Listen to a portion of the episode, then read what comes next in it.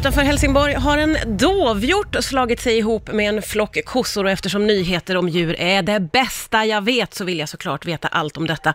Med på telefon finns Anneli Appelskog som är rektor vid Sundsgårdens folkhögskola och vittne till det här. Hallå där Anneli! Hej! Ni eh, ser korna gå och beta från skolan vad jag förstår. När upptäckte ni Jajamän. att det var en dovhjort där mitt bland flocken? Ja, det var väl eh, det var, typ en månad sedan så var det en av mina medarbetare som såg att det var en, en dovhjort där och tog en bild då och tänkte det här är väl en unik företeelse Ja. att den råkar vara där Eh, och eh, vi tänkte inte mer på det och la ut den bilden vårt intranät. Ja. Vi, vi, vi, alltså skolan ligger så vackert vid havet och sen har vi Örby ängar som det heter. Ja. Och då är det en bonde som, som arrenderar av kommunen och eh, hans fina djur betar där. Gud vad mysigt det Eh, låter. Bara det börjar- låter underbart. Ja, det ja, stortrivs, det är underbart. I alla fall då så var det, fortsatte vi notera att nej, men den hänger ju med kossorna hela tiden. Den, är liksom, den gossar lite med, med en av kossorna också ibland. Alltså de trycker mularna mot varandra sådär. Nej men sluta. Eh, Ja, det är så rart, så rart. Men i alla fall, så, så vi, nu har vi ju tusen bilder och små filmklipp på detta för det är så, så gulligt. Och så fick jag då för mig att, att det här måste jag berätta för, för SVT här, på Ja. lokala.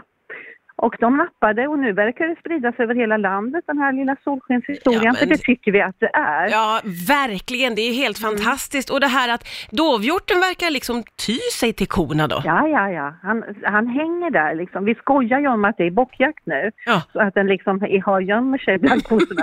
men, men jag tror att han tror att han är en ko för att han, han går som dem. Han lunkar i samma, han har tagit till sig deras livsstil liksom. Jättemysigt. Det är ju helt fantastiskt. Och kossorna då också välkomnar dovhjorten ja, utan... ja, ja. Ja, problem. Det är helt odramatiskt. Helt odramatiskt. De Ja. tittar på den och liksom som om det vore en av dem.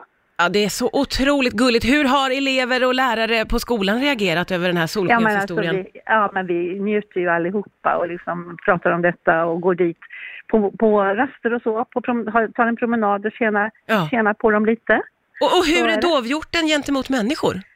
Den är lika cool som kossorna. Alltså den, så, så tittar på mig när jag, när jag kikar på den liksom. Ja, det är, jag, är jag, jag tycker att det låter som en underbar dröm. Det här är ju ett drömscenario. Har ni gett dovhjorten något namn förresten?